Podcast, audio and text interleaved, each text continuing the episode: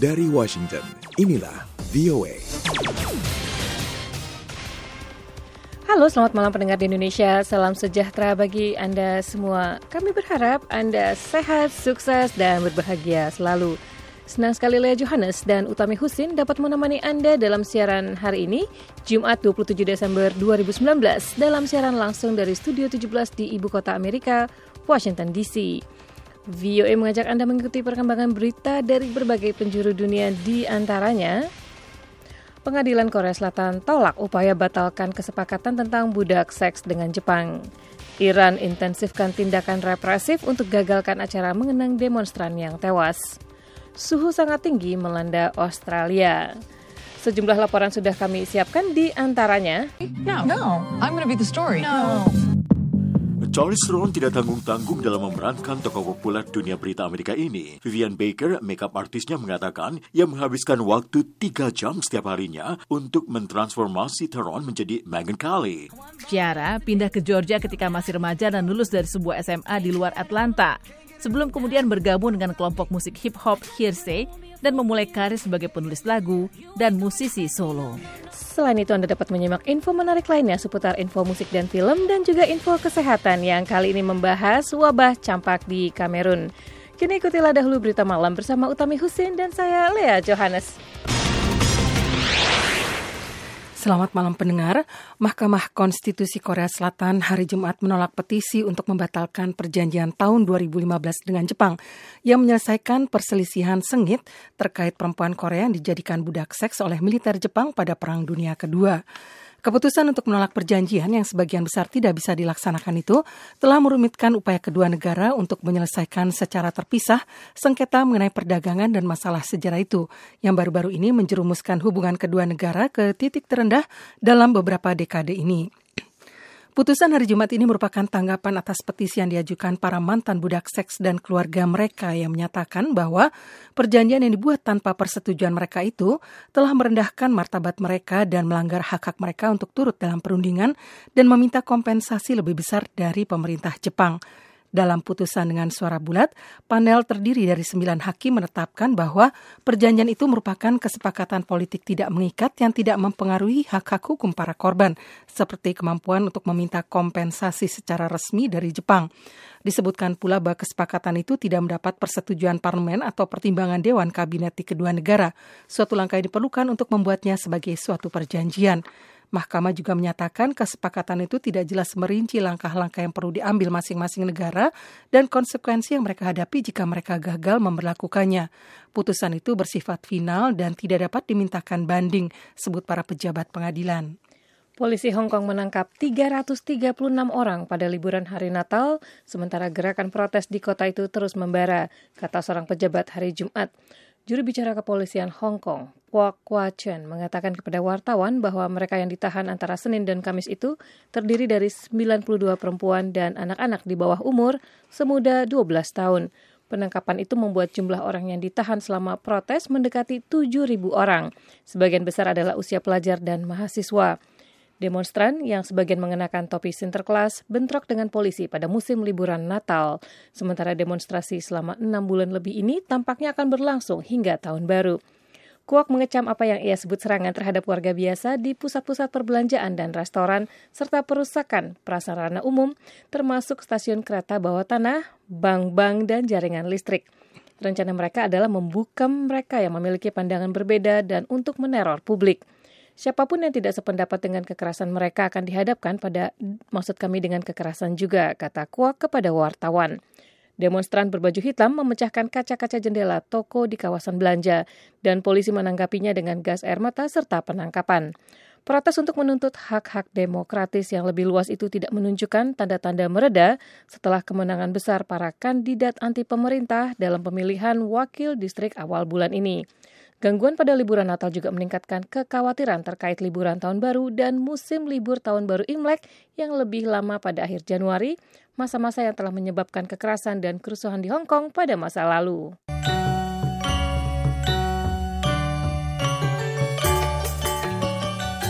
Anda sedang menyimak siaran petang VOA langsung dari Washington DC. Iran meningkatkan tekanannya terhadap demonstran hari Kamis dengan membubarkan acara peringatan mengenang seorang lelaki yang tewas dalam satu salah satu protes anti pemerintah baru-baru ini. Jalan-jalan dipenuhi oleh pasukan keamanan dan akses internet seluler ditutup. Tindakan represif itu tampaknya dimaksudkan untuk mencegah warga Iran mengindahkan seruan para aktivis untuk mengadakan pertemuan publik pada tanggal 26 Desember guna memperingati berakhirnya masa berkabung tradisional selama 40 hari bagi Poya Bakhtiari, seorang korban tewas dalam protes bulan lalu. Demonstrasi di berbagai penjuru Iran yang telah berlangsung berhari-hari itu dipicu oleh keputusan pemerintah 15 November lalu untuk menaikkan harga bensin dengan tajam.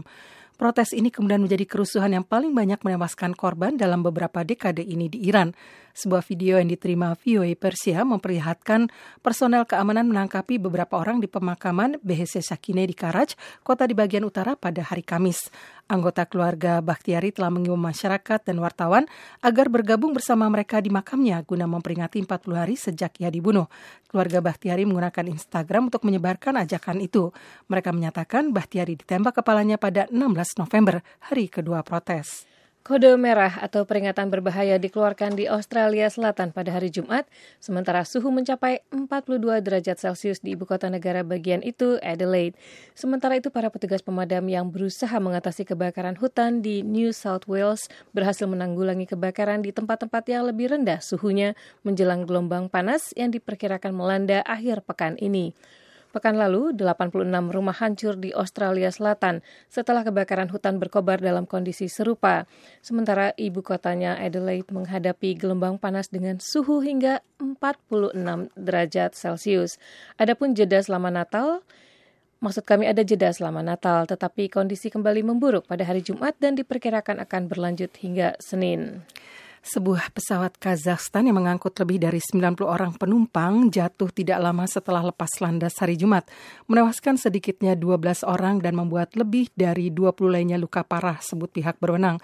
Komite Penerbangan Sipil Kazakhstan mengemukakan dalam suatu pernyataan bahwa pesawat Back Air menghantam pagar beton dan bangunan dua lantai setelah lepas landas dari Bandara Internasional Almaty. Pihak berwenang setempat sebelumnya menyatakan korban tewas berjumlah 15 orang, tetapi kemudian merevisi isinya. Demikian Warta Dunia VOA. Anda dapat mengirim email kepada kami di voaindonesia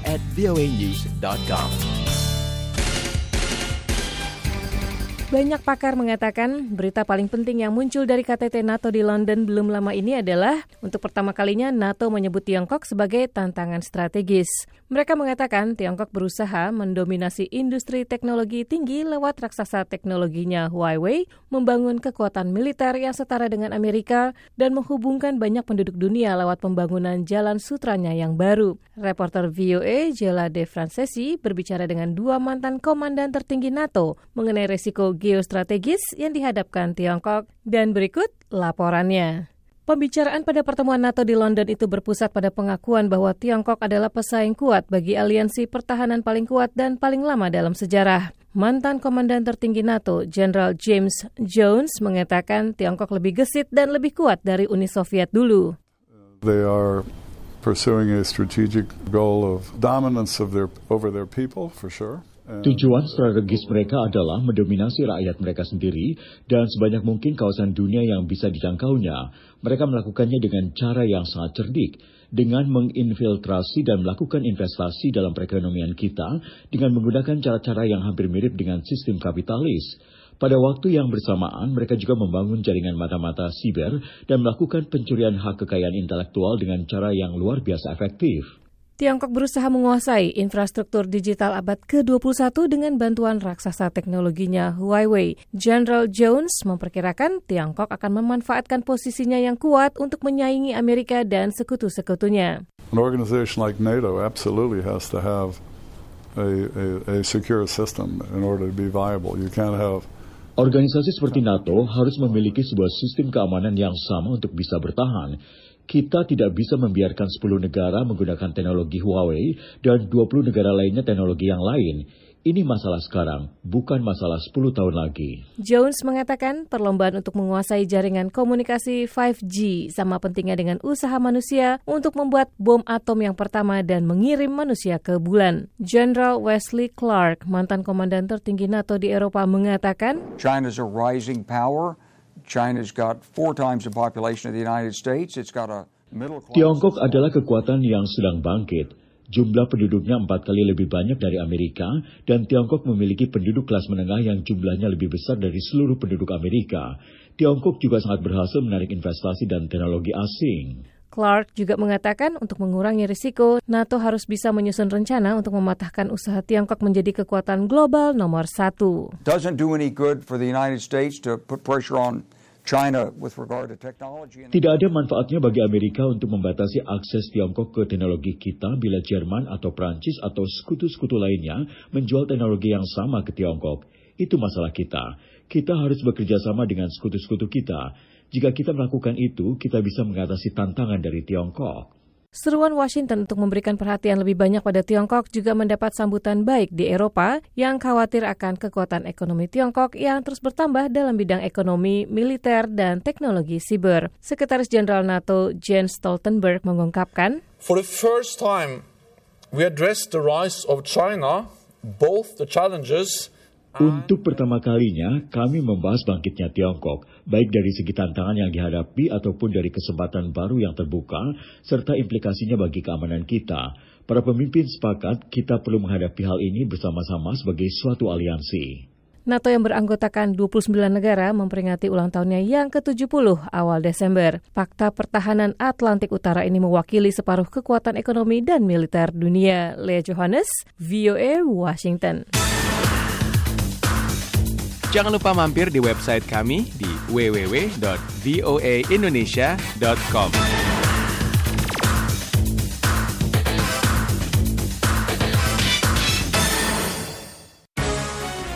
Dua warga negara Indonesia yang disandra oleh kelompok Abu Sayyaf telah bertemu dengan keluarganya. Sementara satu WNI lainnya masih disandra. Menteri Luar Negeri Retno Marsudi menegaskan akan semaksimal mungkin membebaskan satu WNI yang masih tersandra itu. Fatihah Wardah, reporter VOA melaporkannya dari Jakarta. Setelah berhasil dibebaskan oleh militer Filipina dalam sebuah kontak senjata pada Minggu, dua warga negara Indonesia yang sempat disandra kelompok Abu Sayyaf di Filipina Selatan kembali bertemu keluarganya. Menteri Luar Negeri Retno Marsudi menggelar serah terima dua warga negara Indonesia tersebut kepada pihak keluarga di Kementerian Luar Negeri Kamis. Dua warga negara Indonesia yang sempat ditahan selama 90 hari oleh kelompok Abu Sayyaf di Filipina Selatan itu adalah Maharudin Lunani 48 tahun dan Samiun Maneo 27 tahun. Sementara putra Maharudin, Muhammad Farhan hingga kini masih disandra oleh kelompok Abu Sayyaf. Menteri Luar Negeri Retno Marsudi mengatakan pemerintah terus menyelesaikan proses pembebasan WNI karena masih ada satu WNI yang ditahan oleh kelompok Abu Sayyaf yaitu Muhammad Farhan. Menlu Retno menegaskan yang paling penting ke depan adalah upaya preventif agar tidak jatuh lagi korban di masa yang akan datang. Hal tersebut telah disampaikan kepada pihak Filipina dan akan kembali disampaikan oleh Menteri Pertahanan Prabowo Subianto. Indonesia, Malaysia, dan Filipina kata Menlu telah memiliki pola kerjasama trilateral untuk menjamin keamanan di perairan perairan Sulu dan sekitarnya dan itu perlu diintensifkan. Jadi kita perlu untuk mengintensifkan kerjasama tersebut sehingga sekali lagi upaya prevensi ini dapat kita lakukan dan dapat mencegah jatuhnya korban lain di kemudian hari. Dua WNI yang berhasil dibebaskan dan satu WNI yang masih ditahan tersebut adalah nelayan. Mereka diculik kelompok Abu Sayyaf September lalu ketika sedang mencari ikan di perairan Tambisan Lahat Datu, negara bagian Sabah, Malaysia yang berdekatan dengan Filipina Selatan. Ketiganya berasal dari Bau-Bau dan Wakatobi, Sulawesi Tenggara dan bekerja di kapal milik perusahaan Malaysia. Sebelumnya beredar pesan melalui video di mana mereka menyatakan telah disandra pada 24 September lalu dan meminta Presiden Joko Widodo membebaskan mereka dari kelompok Abu Sayyaf yang meminta tebusan 8 miliar rupiah.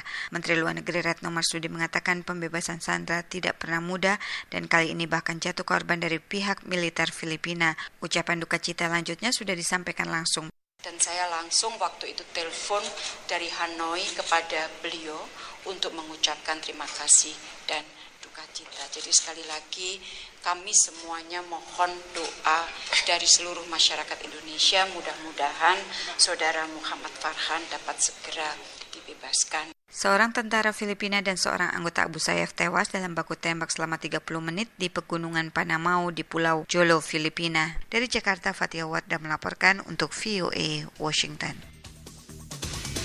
Anda sedang mengikuti siaran VOA. Survei tentang tingkat kepuasan pekerja baru-baru ini menunjukkan bahwa perusahaan teknologi raksasa seperti Google, Facebook, dan LinkedIn tidak lagi masuk dalam 10 besar perusahaan terbaik untuk bekerja.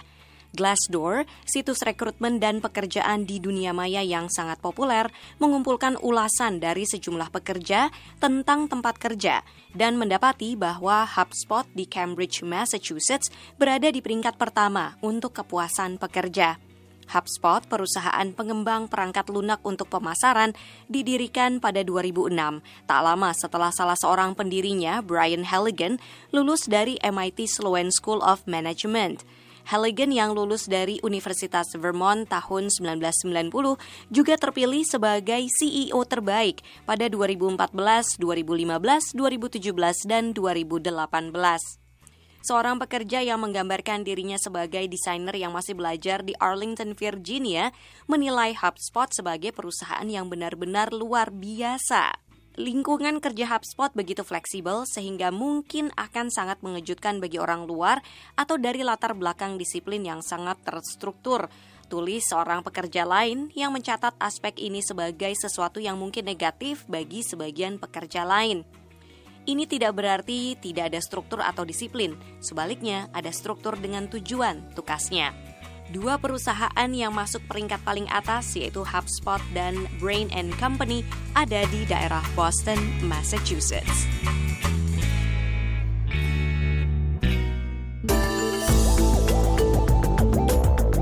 Anda dapat mengirimkan email kepada kami di voaindonesia at.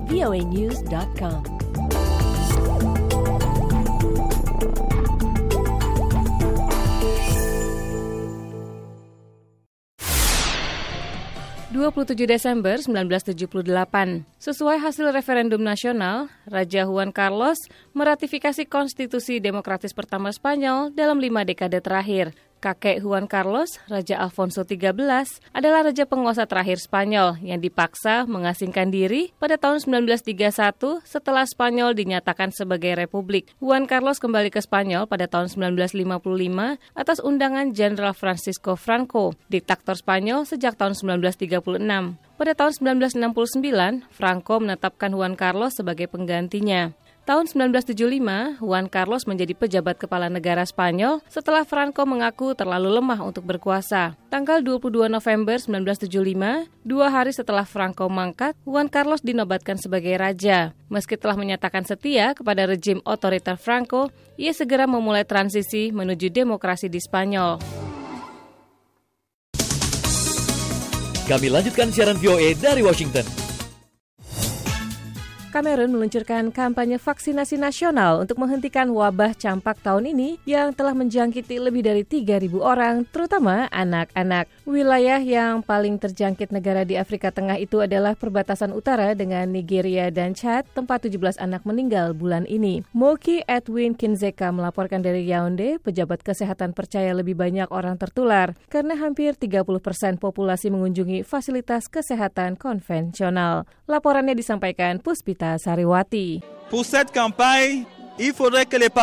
Suara yang baru terdengar tadi adalah Dr. Etsoa Bris, koordinator tim vaksinasi yang dikirim ke kota-kota dan desa-desa di sekitar ibu kota Kamerun, Yaounde. Etsoa berada di jalan-jalan Yaounde untuk memberitahu penduduk bahwa tim vaksinasi ditempatkan di semua persimpangan jalan, gereja, sekolah, pasar, dan tempat-tempat rakyat berkumpul dan tidak akan mengunjungi rumah seperti yang selalu mereka lakukan pada masa lalu. Ia mengatakan, dulu mereka tidak bertemu banyak orang tua dan anak-anak di rumah karena mereka pergi ke sekolah, ke lahan pertanian, kantor, atau pasar. Juru rawat Teresa Mabuh Anggota tim vaksinasi dari Kementerian Kesehatan Masyarakat Kamerun mengatakan kampanye vaksinasi ini bertujuan menyelamatkan jutaan nyawa yang terancam oleh wabah campak. Ini efisien, sederhana, dan gratis untuk semua anak. Jadi, saya menyerukan kepada semua orang tua untuk memvaksinasi anak mereka. Kami juga mempunyai obat cacing untuk anak-anak usia satu tahun hingga lima tahun. Kami sediakan juga vitamin A yang diberikan untuk bayi usia enam bulan hingga balita. Kementerian Kesehatan Masyarakat melaporkan bahwa di wilayah utara terdapat lebih 2.000 dari 3.000 kasus dilaporkan tahun ini dengan tingkat kelahiran yang lebih tinggi dan cakupan vaksinasi rutin lebih rendah karena hampir tiga dari setiap 10 ibu mengunjungi sarana kesehatan tradisional. Mereka lebih suka praktek dukun tradisional Afrika yang lebih mudah dijangkau daripada rumah sakit yang sangat jauh, kekurangan tenaga dan pengobatan, kekhawatiran dan kesalahan informasi membuat rasa tidak percaya pada sebagian vaksinasi. Sebagian orang tua menolak atau lupa meminta anak-anak mereka divaksinasi ketika mereka berusia 9 bulan, seperti yang disarankan oleh WHO. Loveline Tosam, ibu berusia 23 tahun dari dua anak, mengatakan hal itu setelah kematian bayinya yang berusia 2 tahun, tidak lama setelah ia tiba di rumah sakit distrik BMAC di Yaounde. Staf medis memberitahunya bahwa ia harus memvaksinasi anak-anaknya. She was coughing. She was very weak. Dia batuk sangat lemah dan muntah tanpa henti. 24 jam kemudian kami kehilangan dia dan sekarang saya tahu bahwa kami seharusnya memberinya vaksinasi. Puspita Sariwati, VOA, Washington. Selama Natal di Amerika sering terdengar ungkapan Christmas is all about giving. Natal berarti memberi, terutama kepada orang-orang yang kurang beruntung. Seiring dengan ungkapan dan semangat itu, banyak kelompok masyarakat menggalang upaya pengumpulan hadiah, terutama berupa mainan untuk dibagikan kepada anak-anak. Ikuti laporan selengkapnya bersama Leona Triono. Berbagi kebahagiaan menjelang hari Natal menjadi alasan bagi banyak orang dan berbagai organisasi untuk mengumpulkan hadiah bagi kalangan kurang mampu. Misalnya, sebuah program yang disponsori oleh Korps Marinir Amerika, Toys for Tots, mainan untuk anak-anak sejak tahun 1947 telah mengumpulkan lebih dari 566 juta mainan yang diberikan kepada lebih dari 258 juta anak di Amerika. Ibu negara Melania Trump menghadiri acara pengumpulan dan penyortiran hadiah yang berhasil dihimpun oleh Korps Marinir Amerika beberapa waktu lalu. On behalf of the Commandant of the Marine Corps, all of us associated with the Marine Toys for Tots program, but most importantly, on behalf of the less fortunate children that will benefit from this program this year, we want to thank our First Lady. Please join me in welcoming our First Lady, Melania Trump. Thank you all for helping in this very important cause. Dalam kesempatan itu, Melania Trump mengucapkan terima kasih dan penghargaan setinggi-tingginya kepada Korps Marinir atas prakarsa mereka yang terus berjalan setelah 72 tahun. Melania Trump menambahkan, As a mother, I feel children are the most precious gift of all. Sebagai seorang ibu, saya merasa bahwa anak merupakan hadiah paling berharga dibanding apa pun. Anak-anak merupakan sukacita dalam kehidupan. Sebagai ibu negara, saya akan terus menggalakkan program-program yang memberikan lebih banyak kesempatan bagi anak-anak. Melania Trump mengatakan sangat percaya akan kerja keras yang baik yang selama ini dilakukan oleh marinir dan segenap relawan yang tergabung dalam perimpunan Toys for Tots. I believe in the good work that Toys for Tots is doing. Misi mereka untuk mengirim pesan pengharapan kepada anak-anak dan mendorong mereka untuk tumbuh menjadi warga negara yang bertanggung jawab dan patriotik sangat penting bagi masyarakat kita. Ibu negara Amerika itu mengakhiri partisipasinya dalam penyortiran hadiah Natal bagi anak-anak tidak mampu itu dengan sekali lagi menyampaikan penghargaan kepada Toys for Tots dan juga kepada semua orang yang terlibat dalam upaya mulia itu, terutama dengan hari Natal. Merry Christmas and very happy and healthy New Year. God bless you, God bless your families, and God bless the United States of America. Thank you. Dari Washington, saya Leona Triano. Inilah VOA.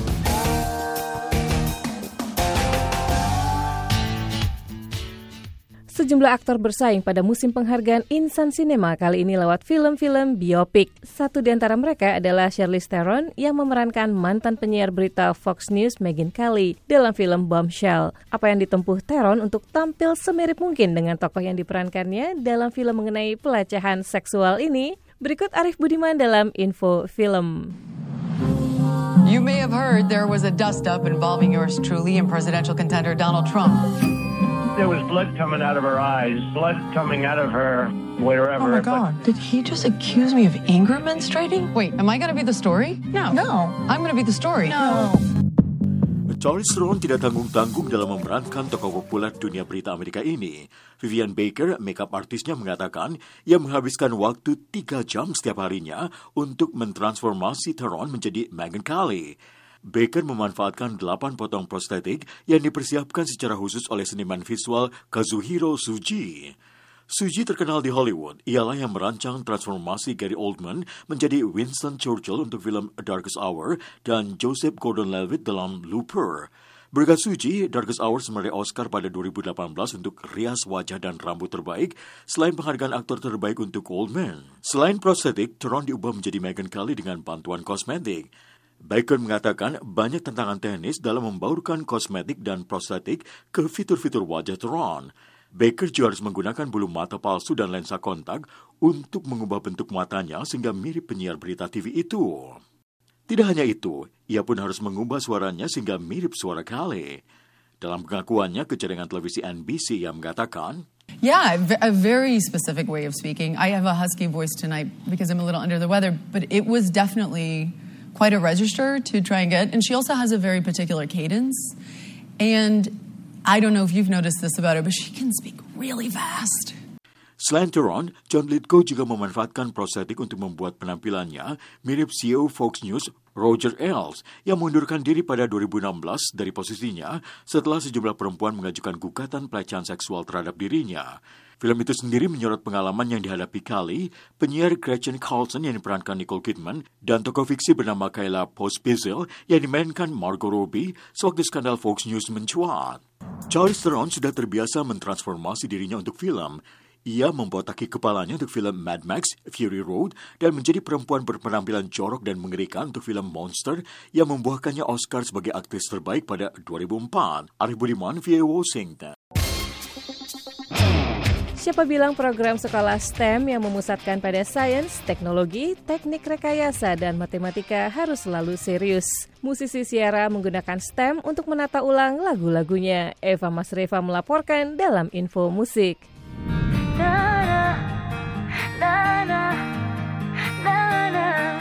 Pendengar musisi R&B Ciara membuat kejutan manis bagi para siswa SMA di kota di mana ia pertama kali berkarir. Tanpa memberitahu sebelumnya, ia datang dan mengikuti kelas di SMA Poljuk, salah satu sekolah menengah atas yang memusatkan perhatian pada studi sains, teknologi, teknik rekayasa, dan matematika, atau dikenal sebagai STEM.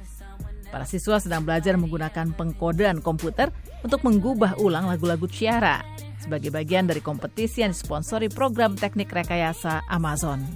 Para siswa menggunakan EarSketch, yaitu platform yang dikembangkan Georgia Institute of Technology yang mengajarkan ilmu komputer lewat remixing music. Jika hasil kreasi mereka memenangkan kompetisi itu, mereka akan memenangkan hadiah jalan-jalan ke Seattle untuk menyajikan karya mereka. Ciara pindah ke Georgia ketika masih remaja dan lulus dari sebuah SMA di luar Atlanta. Sebelum kemudian bergabung dengan kelompok musik hip hop Hearsay dan memulai karir sebagai penulis lagu dan musisi solo.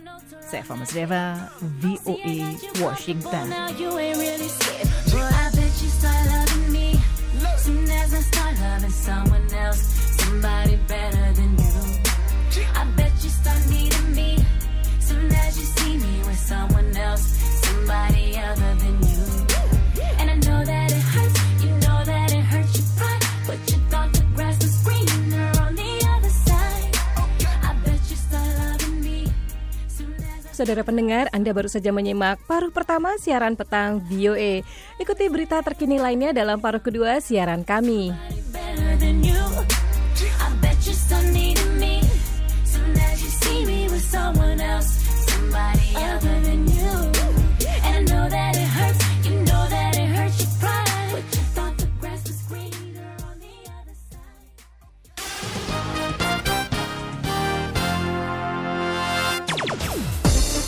Washington, inilah VOA. Halo pendengar di Indonesia, jumpa lagi dalam paruh kedua siaran petang VOA Washington yang dipancar luaskan langsung dari Studio 17 di Ibu Kota Amerika, 27 Desember 2019. Anda masih bersama Lea Johannes dan Utami Husin yang akan mengajak Anda mengikuti perkembangan terkini dari berbagai penjuru dunia. Beberapa berita terkini yang akan segera kami sampaikan di antaranya Pengadilan Korea Selatan tolak upaya batalkan kesepakatan tentang budak seks dengan Jepang. Iran intensifkan tindakan represif untuk gagalkan acara mengenang demonstran yang tewas. Suhu sangat tinggi melanda Australia. Dalam siaran petang VOA kali ini, Anda dapat menyimak berbagai info menarik di antaranya sebuah program yang disponsori oleh Korps Marinir Amerika, Toys for Tots, sejak tahun 1947 telah mengumpulkan lebih dari 566 juta mainan yang diberikan kepada lebih dari 258 juta anak di Amerika. Negara-negara miskin adalah yang paling terpukul dengan sebagian besar kasus dan kematian di Afrika Sub-Sahara. Namun, negara-negara kaya juga berjuang melawan wabah mereka sendiri. Selain itu, Anda juga dapat menyimak laporan seputar Muktamar IMSA tahun ini yang akan disampaikan Karlina Amkas. Namun sebelum semua itu, ikutilah dahulu berita malam bersama Utami Husin dan saya, Lea Johannes. Selamat malam. Mahkamah Konstitusi Korea Selatan hari Jumat menolak petisi untuk membatalkan perjanjian tahun 2015 dengan Jepang yang menyelesaikan perselisihan sengit terkait perempuan Korea yang dijadikan budak seks oleh militer Jepang pada Perang Dunia Kedua.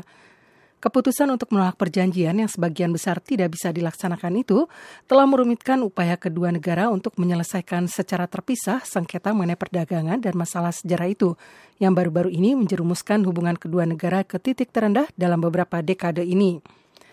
Putusan hari Jumat ini merupakan tanggapan atas petisi yang, yang diajukan para mantan budak seks dan keluarga mereka yang menyatakan bahwa perjanjian yang dibuat tanpa persetujuan mereka itu telah merendahkan martabat mereka serta melanggar hak-hak mereka untuk turut dalam perundingan dan meminta kompensasi lebih besar dari pemerintah Jepang. Dalam putusan dengan suara bulat, panel terdiri dari sembilan hakim menetapkan bahwa perjanjian itu merupakan kesepakatan politik tidak mengikat yang tidak mempengaruhi hak-hak hukum para korban, seperti kemampuan untuk meminta kompensasi secara resmi dari Jepang. Disebutkan pula bahwa kesepakatan itu tidak mendapat persetujuan parlemen atau pertimbangan Dewan Kabinet di kedua negara. Suatu langkah yang diperlukan untuk membuatnya sebagai suatu perjanjian. Mahkamah juga menyatakan kesepakatan itu tidak jelas merinci langkah-langkah yang perlu diambil masing-masing negara dan konsekuensi yang mereka hadapi jika gagal memperlakukannya. Putusan itu bersifat final dan tidak dapat dimintakan banding, sebut para pejabat pengadilan. Sebuah pesawat Kazakhstan yang mengangkut lebih dari 90 orang penumpang jatuh tidak lama setelah lepas landas hari Jumat, menewaskan sedikitnya 12 orang dan membuat lebih dari 20 lainnya luka parah, sebut pihak berwenang. Komite Penerbangan Sipil Kazakhstan mengemukakan dalam suatu pernyataan bahwa pesawat Back Air menghantam pagar beton dan bangunan dua lantai setelah lepas landas dari Bandara Internasional Almaty. Pihak berwenang setempat sebelumnya menyatakan korban tewas berjumlah 15 orang, tetapi Kementerian Dalam Negeri Kazakhstan belakangan merevisi jumlah tersebut tanpa memberi penjelasan. Pesawat Fokker 100 nomor penerbangan 2100 itu sedang menuju ibu kota Nur Sultan yang dulu dikenal sebagai Astana sewaktu jatuh pada pukul 7.22 pagi. Pihak berwenang menyatakan semua penerbangan Back Air dan Fokker 100 di Kazakhstan segera dihentikan sambil menunggu investigasi kecelakaan itu. Mereka tidak mengemukakan kemungkinan penyebab kecelakaan tersebut. Pabrikan Fokker 100, jet turbofan ganda berukuran sedang itu bangkrut pada tahun 1996 dan produksi pesawat itu dihentikan pada tahun berikutnya. Ingin menyimak kembali siaran kami? Kunjungi situs kami di www.voaindonesia.com.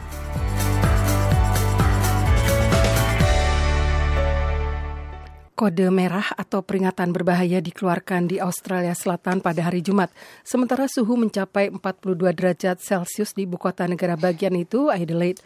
Sementara itu, para petugas pemadam yang berusaha mengatasi kebakaran hutan di New South Wales berhasil menanggulangi kebakaran di tempat-tempat yang lebih rendah suhunya menjelang gelombang panas yang diperkirakan melanda akhir pekan ini.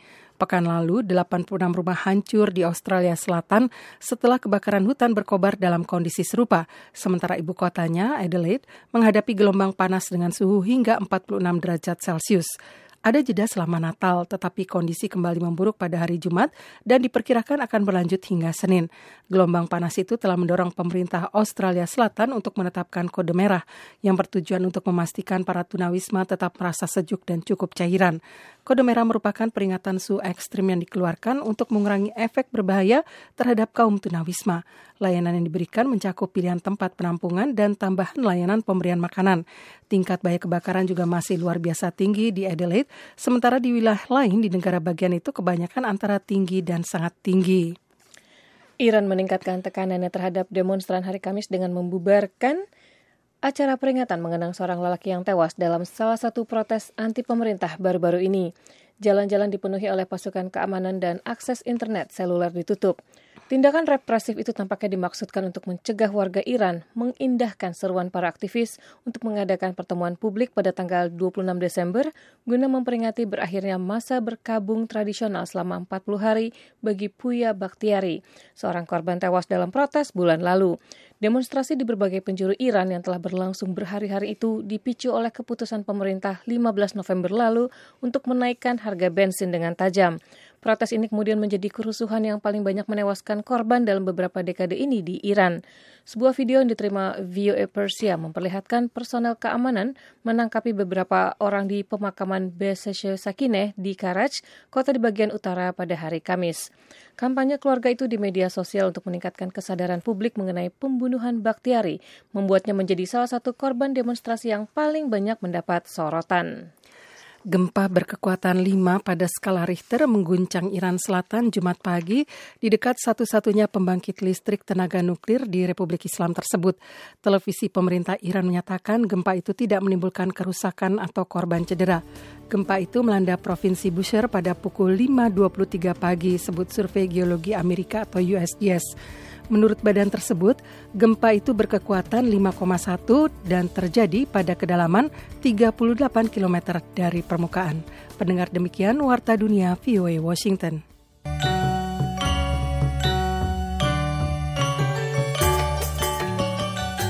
Anda sedang menyimak siaran petang VOA langsung dari Washington DC.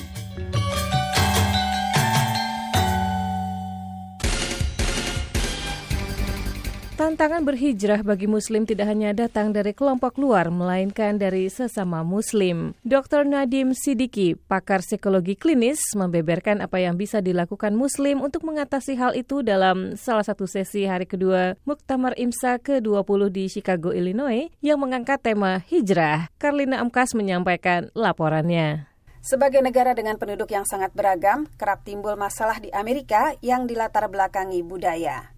Dan di dalam cakupan yang lebih kecil, komunitas Muslim, masalah pun tidak sedikit karena Muslim di Amerika datang dari berbagai negara dan masing-masing membawa latar belakang sendiri.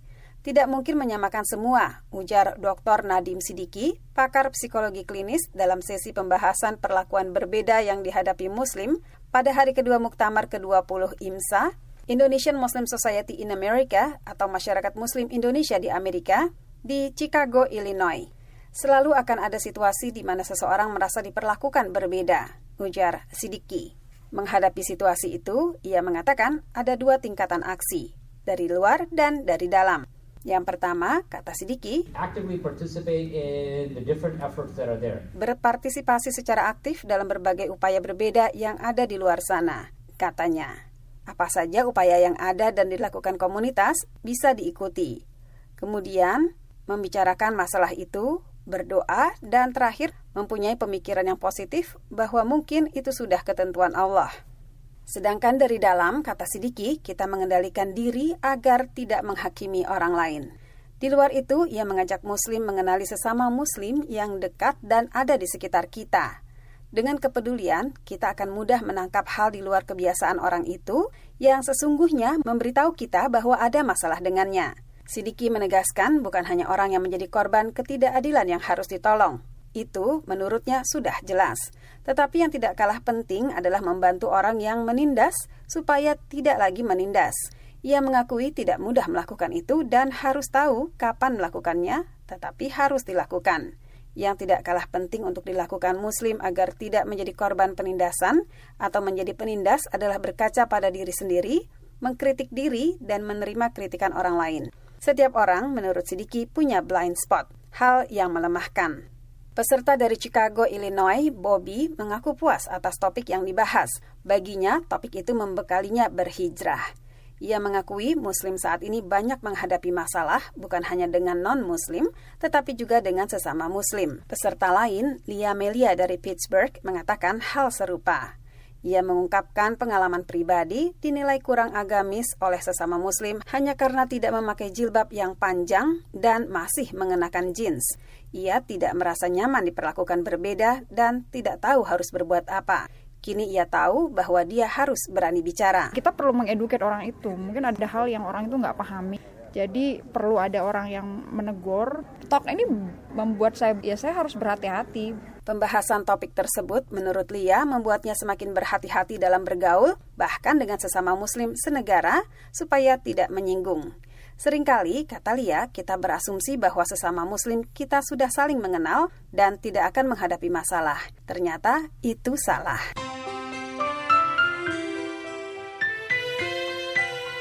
Natal merupakan waktunya berbagi hati dengan cinta dan rasa kasih. Natal merupakan saatnya kita memberi dan menerima. Saya Ade Astuti, Kepala Siaran Bahasa Indonesia Voice of America, beserta seluruh kerabat kerja di Amerika dan Indonesia, mengucapkan Selamat Natal. Semoga di hari Natal ini kita semua diberi kesempatan untuk menebar rasa peduli dan cinta kasih bagi sesama. Happy Holidays!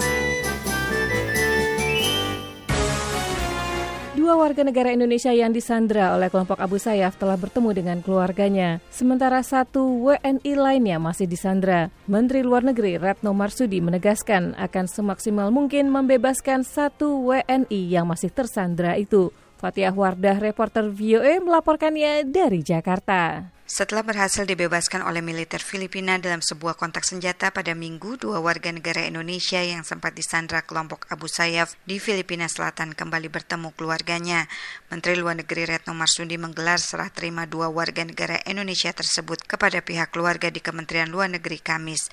Dua warga negara Indonesia yang sempat ditahan selama 90 hari oleh kelompok Abu Sayyaf di Filipina Selatan itu adalah Maharudin Lunani 48 tahun dan Samiun Maneo 27 tahun. Sementara putra Maharudin, Muhammad Farhan hingga kini masih disandra oleh kelompok Abu Sayyaf. Menteri Luar Negeri Retno Marsudi mengatakan pemerintah terus menyelesaikan proses pembebasan WNI karena masih ada satu WNI yang ditahan oleh kelompok Abu Sayyaf yaitu Muhammad Farhan. Menlu Retno menegaskan yang paling penting ke depan adalah upaya preventif agar tidak jatuh lagi korban di masa yang akan datang.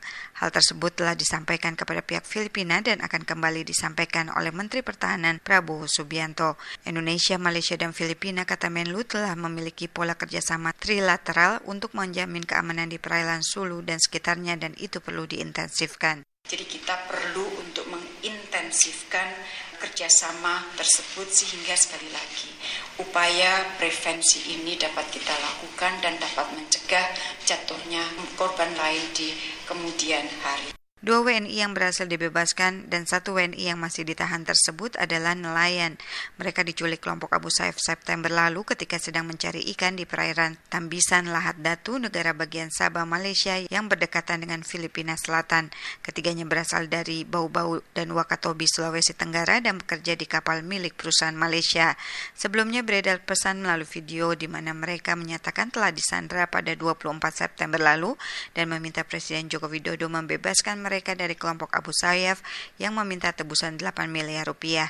Menteri Luar Negeri Retno Marsudi mengatakan pembebasan Sandra tidak pernah mudah dan kali ini bahkan jatuh korban dari pihak militer Filipina. Ucapan duka cita lanjutnya sudah disampaikan langsung dan saya langsung waktu itu telepon dari Hanoi kepada beliau untuk mengucapkan terima kasih dan duka cita. Jadi sekali lagi kami semuanya mohon doa dari seluruh masyarakat Indonesia mudah-mudahan saudara Muhammad Farhan dapat segera dibebaskan. Seorang tentara Filipina dan seorang anggota Abu Sayyaf tewas dalam baku tembak selama 30 menit di pegunungan Panamau di Pulau Jolo, Filipina. Dari Jakarta, Fatia Wardah melaporkan untuk VOA Washington. Anda sedang mengikuti siaran VOA. Survei tentang tingkat kepuasan pekerja baru-baru ini menunjukkan bahwa perusahaan teknologi raksasa seperti Google, Facebook, dan LinkedIn tidak lagi masuk dalam 10 besar perusahaan terbaik untuk bekerja. Glassdoor, situs rekrutmen dan pekerjaan di dunia maya yang sangat populer, mengumpulkan ulasan dari sejumlah pekerja tentang tempat kerja dan mendapati bahwa HubSpot di Cambridge, Massachusetts berada di peringkat pertama untuk kepuasan pekerja. HubSpot, perusahaan pengembang perangkat lunak untuk pemasaran, didirikan pada 2006, tak lama setelah salah seorang pendirinya, Brian Halligan, lulus dari MIT Sloan School of Management. Halligan yang lulus dari Universitas Vermont tahun 1990 juga terpilih sebagai CEO terbaik pada 2014, 2015, 2017, dan 2018 seorang pekerja yang menggambarkan dirinya sebagai desainer yang masih belajar di Arlington, Virginia, menilai HubSpot sebagai perusahaan yang benar-benar luar biasa. Lingkungan kerja HubSpot begitu fleksibel sehingga mungkin akan sangat mengejutkan bagi orang luar atau dari latar belakang disiplin yang sangat terstruktur. Tulis seorang pekerja lain yang mencatat aspek ini sebagai sesuatu yang mungkin negatif bagi sebagian pekerja lain. Ini tidak berarti tidak ada struktur atau disiplin, sebaliknya ada struktur dengan tujuan, tukasnya. Dua perusahaan yang masuk peringkat paling atas yaitu HubSpot dan Brain and Company ada di daerah Boston, Massachusetts.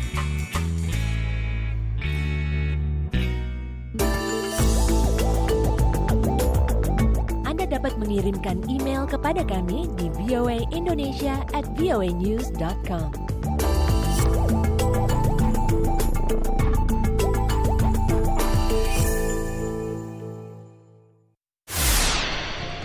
27 Desember 1978, sesuai hasil referendum nasional, Raja Juan Carlos meratifikasi konstitusi demokratis pertama Spanyol dalam lima dekade terakhir. Kakek Juan Carlos, Raja Alfonso XIII, adalah raja penguasa terakhir Spanyol yang dipaksa mengasingkan diri pada tahun 1931 setelah Spanyol dinyatakan sebagai republik. Juan Carlos kembali ke Spanyol pada tahun 1955 atas undangan Jenderal Francisco Franco, diktator Spanyol sejak tahun 1936. Pada tahun 1969, Franco menetapkan Juan Carlos sebagai penggantinya. Tahun 1975, Juan Carlos menjadi pejabat kepala negara Spanyol setelah Franco mengaku terlalu lemah untuk berkuasa. Tanggal 22 November 1975, dua hari setelah Franco mangkat, Juan Carlos dinobatkan sebagai raja. Meski telah menyatakan setia kepada rejim otoriter Franco, ia segera memulai transisi menuju demokrasi di Spanyol. Kami lanjutkan siaran VOA dari Washington.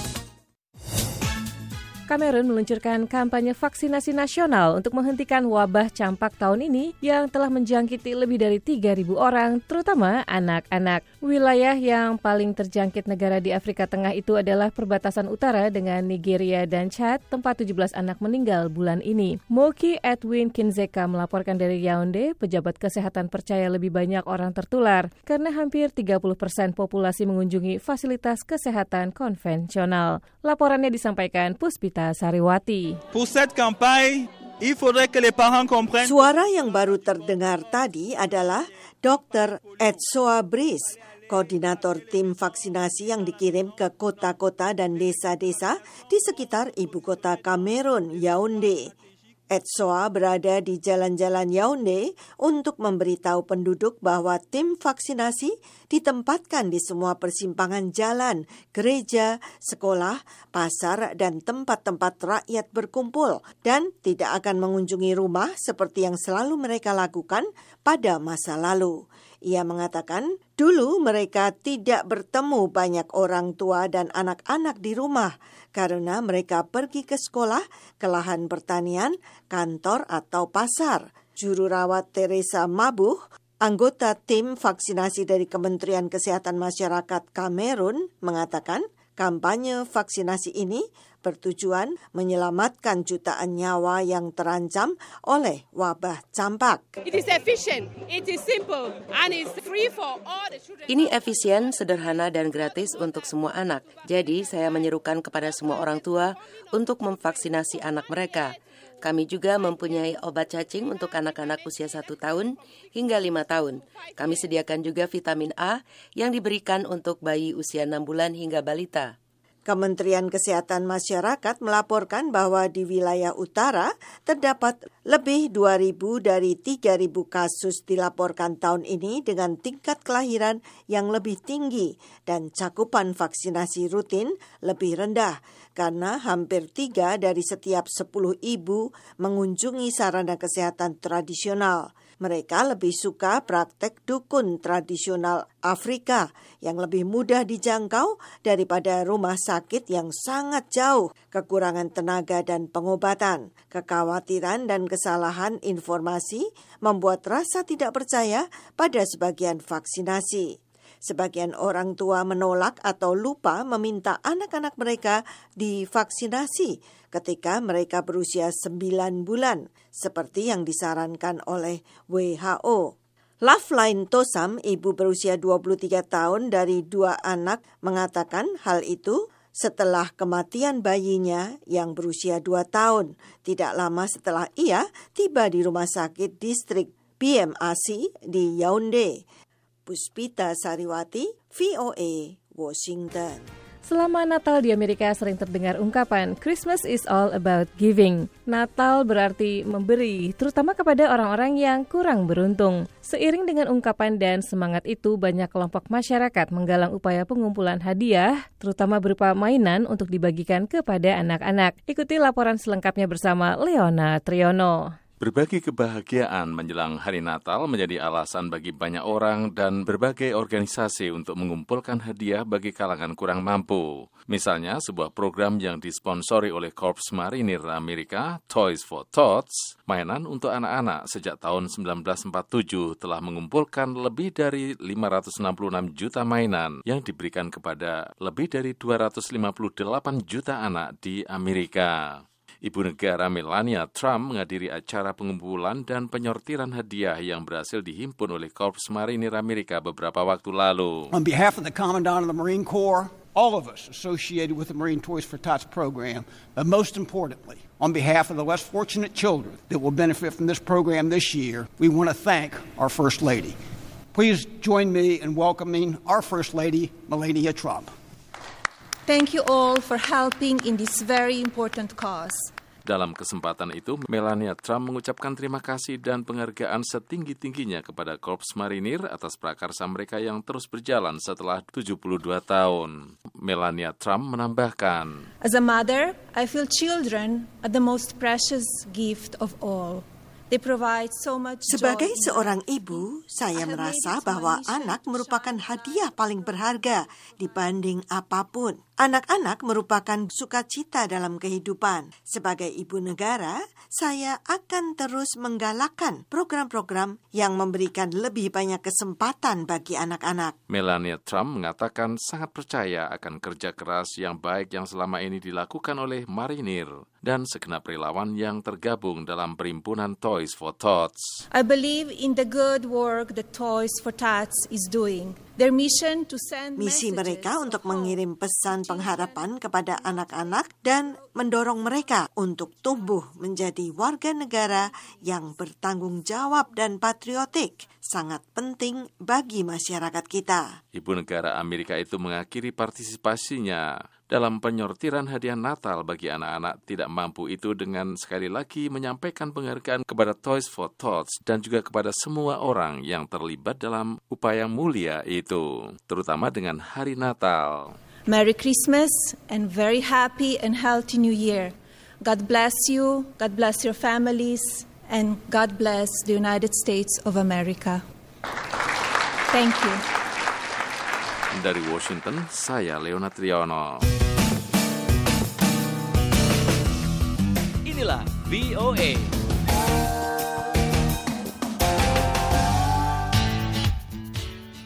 Sejumlah aktor bersaing pada musim penghargaan Insan Cinema kali ini lewat film-film biopik. Satu di antara mereka adalah Charlize Theron yang memerankan mantan penyiar berita Fox News Megyn Kelly dalam film Bombshell. Apa yang ditempuh Theron untuk tampil semirip mungkin dengan tokoh yang diperankannya dalam film mengenai pelecehan seksual ini? Berikut Arif Budiman dalam Info Film.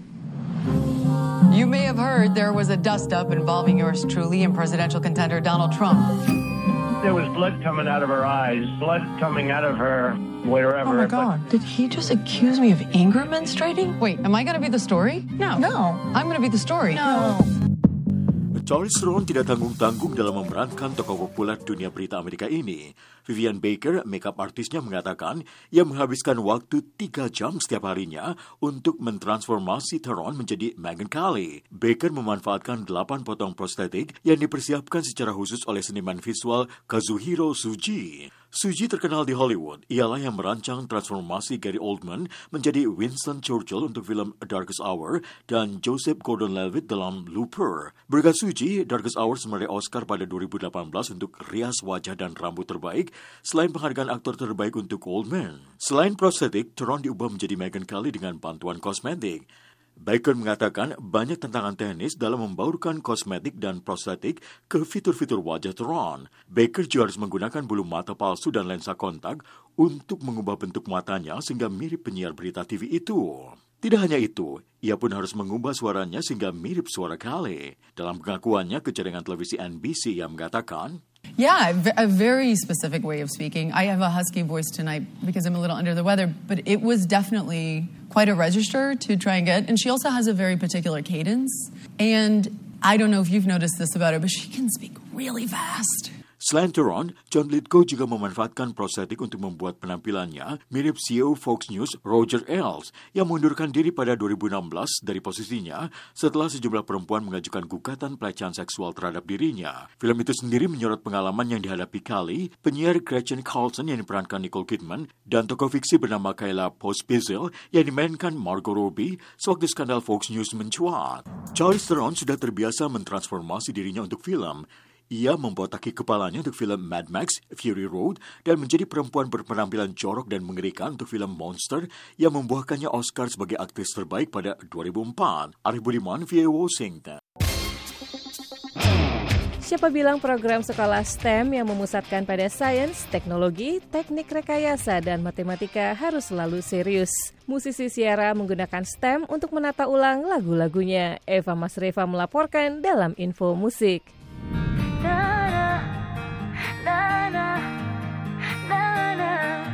Pendengar musisi R&B Ciara membuat kejutan manis bagi para siswa SMA di kota di mana ia pertama kali berkarir. Tanpa memberitahu sebelumnya, ia datang dan mengikuti kelas di SMA Paul Juk, salah satu sekolah menengah atas yang memusatkan perhatian pada studi sains, teknologi, teknik rekayasa, dan matematika, atau dikenal sebagai STEM. Para siswa sedang belajar menggunakan pengkodean komputer untuk menggubah ulang lagu-lagu Ciara sebagai bagian dari kompetisi yang disponsori program teknik rekayasa Amazon. Para siswa menggunakan EarSketch, yaitu platform yang dikembangkan Georgia Institute of Technology yang mengajarkan ilmu komputer lewat remixing music. Jika hasil kreasi mereka memenangkan kompetisi itu, mereka akan memenangkan hadiah jalan-jalan ke Seattle untuk menyajikan karya mereka. Ciara pindah ke Georgia ketika masih remaja dan lulus dari sebuah SMA di luar Atlanta, sebelum kemudian bergabung dengan kelompok musik hip hop Hearsay dan memulai karir sebagai penulis lagu dan musisi solo. Saya Fama Deva, VOA Washington.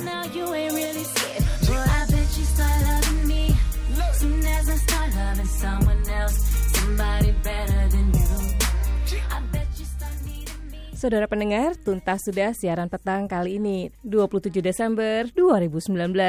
Terima kasih Anda telah menyimak siaran kami. Sajian siaran petang ini dapat Anda simak kembali melalui www.voaindonesia.com. Saya Le Johannes dan seluruh kerabat kerja lainnya mengucapkan terima kasih atas kebersamaan Anda. Kami undur diri dahulu dan sampai bertemu lagi dalam siaran petang berikutnya.